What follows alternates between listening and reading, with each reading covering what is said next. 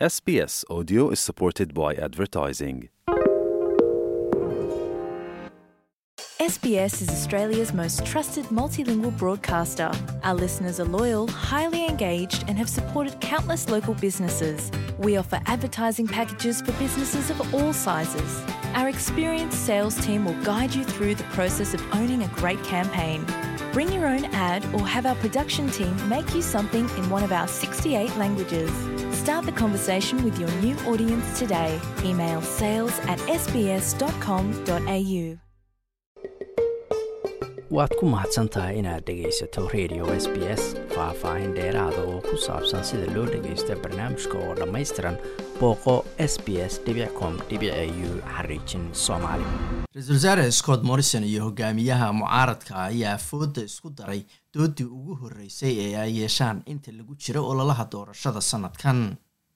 Arrimaha aadka looga doodayay waxaa ka mid ahaa difaaca xadka abuuridda guddi la dagaalamo musuq maasuqa iyo heshiiska amni ee dhex maray solomon island iyo china. Gobolka tartanka ugu culus ka socda ee queensland ayay labada hogaamiye ku kulmeen kadib toddobaad iyo bar olole ay ku marayeen dalka oo dhan. Waxaa hogaamiyaasha dooda kala qayb galay boqol ka mid a codbixiyaasha gobolka queensland oo aan weli go'aansan cidda ay u codayn doonaan waxayna madaxda weydiinayeen su'aalo kala duwan ra'iisul wasaare scott morrison ayaa ka codsaday codbixiyaasha inay u daayaan inuu sii ahaado ra'iisul wasaaraha isagoo ku dooday inaan la joogin wakhtigii hoggaanka dalka la bedeli lahaa.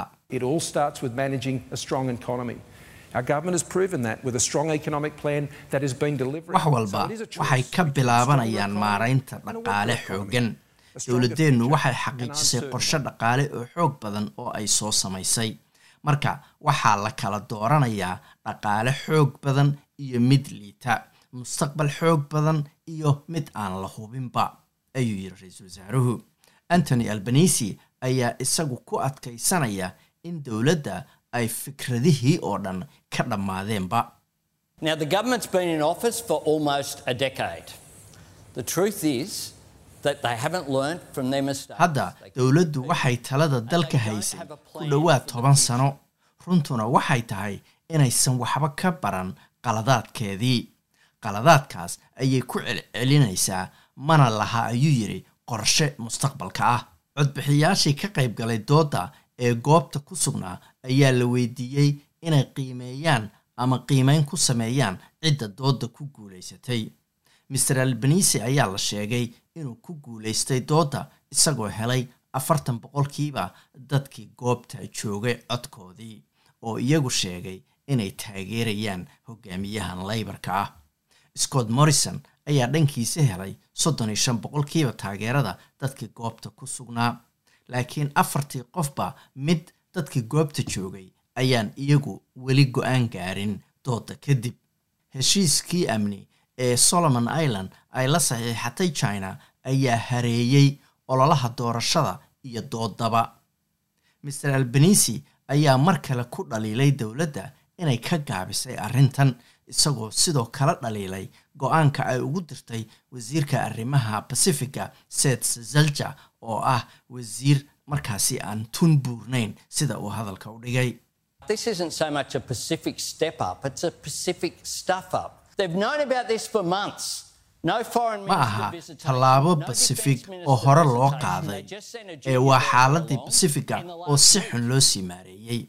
Way ogaayeen arrintan muddo bilo ah. Umayna dirin wasiiradda arrimaha dibadda.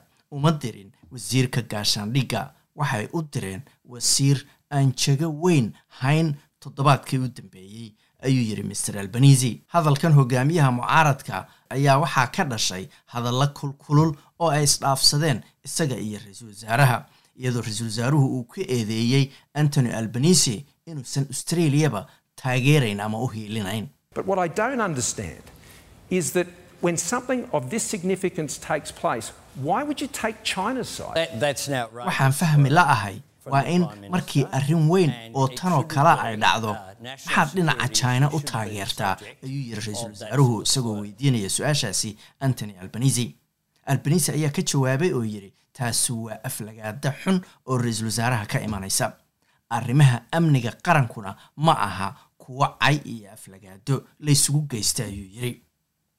Doodan ayaa dib ugu noqotay bilowgii kala fadhigii baarlamaanka ee sanadkan. Markii dowladdu ay ku eedeysay mucaaradka inayba la safan yihiin dowladda china. Ra'iisul wasaaraha ayaa ku tilmaamay ku-xigeenka hogaamiyaha leybarka richard miles musharax ama qof dal kale u shaqeeya. Hadalkan uu ra'iisul wasaaruhu ka sheegay dooda baarlamaanka ee question time la yidhaahdo ayaa mar dambe ra'iisul wasaaraha lagu khasbay inuu ka noqdo ama ka laabto hadalkaasi. Amniga qaran ayaa weli ah arrinta ugu weyn ee laga doodayo ilaa maalinta doorashada. Arrinta labaadna waxay noqonaysaa difaaca xadka. Scott morrison ayaa ku cadaadiyey hogaamiyaha mucaaradka inuu ka jawaabo oo xaqiijiyo inuu taageersan yahay in doonyaha qaxootiga ee australia soo gala dib loo celinayo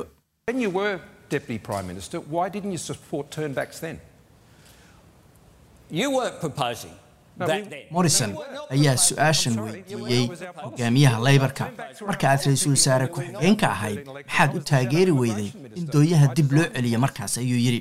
Albanise ayaa yidhi ma aadan soo jeedin in doonyaha dib loo celiyo markaasi. Morrison ayaa ku celiyey waa ka xumaa inaad saas tidhaahdo. Siyaasadeenna ayayba ahayd in doonyaha dib loo celiyo. Albanise ayaa yidhi maya ma aadan soo jeedin hadalkaasi. Morrison ayaa yidhi in doonyaha dib loo celiyo waxay ahayd siyaasadeennii ka hor doorashadii labada kun iyo saddex iyo tobankii.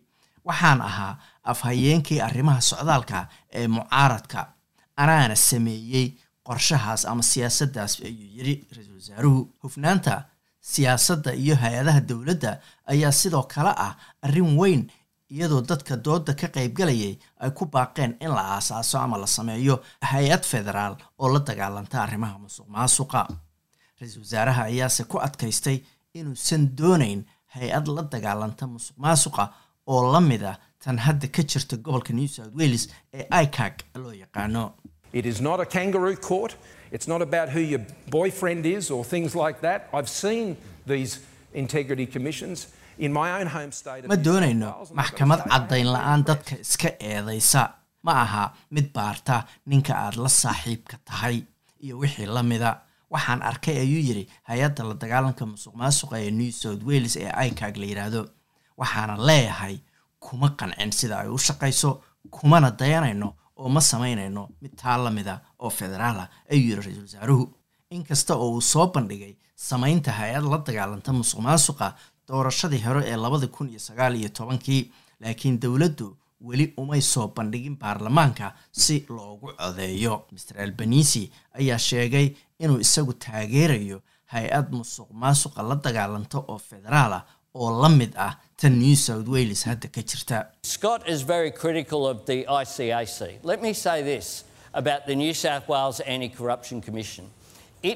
Scott is very critical of the ICAC. Let me say this about the New South Wales Anti Corruption Commission. It has found. scott aad buu uga soo horjeedaa and oo ah hay'adda la dagaalanta musuq maasuqa ee gobolka corruption. new south wales waxaana ka dhahaya hay'adda la dagaalanta musuq maasuqa new south wales waxay falal musuq maasuq ku heshay xildhibaano laybara iyo kuwa liberaala waana wax fiican ayuu yidhi labada hogaamiye ayaa wax laga weydiiyey mustaqbalka nidaamka caymiska naafada qaran ee n d i s loo soo gaabiyo hooyadan ayaana su'aashaasi keentay I have a four year old autistic son.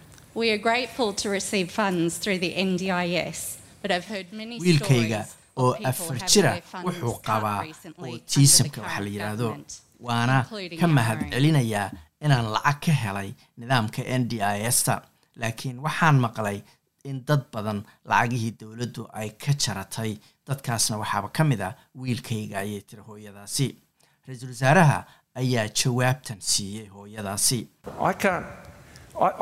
Jenny and I have been blessed. We've got two children that don't haven't had to go through that, and so for parents with children who are disabled, aniga iyo xaaskayga jenny waxaana lagu barakeeyey laba cunug ama laba caruura oo aan qabin autism amaba naafo aan ahayn oo wax dhib ah na- nagama soo marin marka waalidka carruurta naafada ah dhalay waan isku dayi karaa oo keliya inaan fahmo dhibka ay maraan. Hadalkaas ayaa carab badan ka dhaliyey dhanka online-ka iyadoo afhayeenka arrimaha n d i s ta u qaabilsan xisbiga leybarka bill shorton uu bartiisa twitterka ku qoray.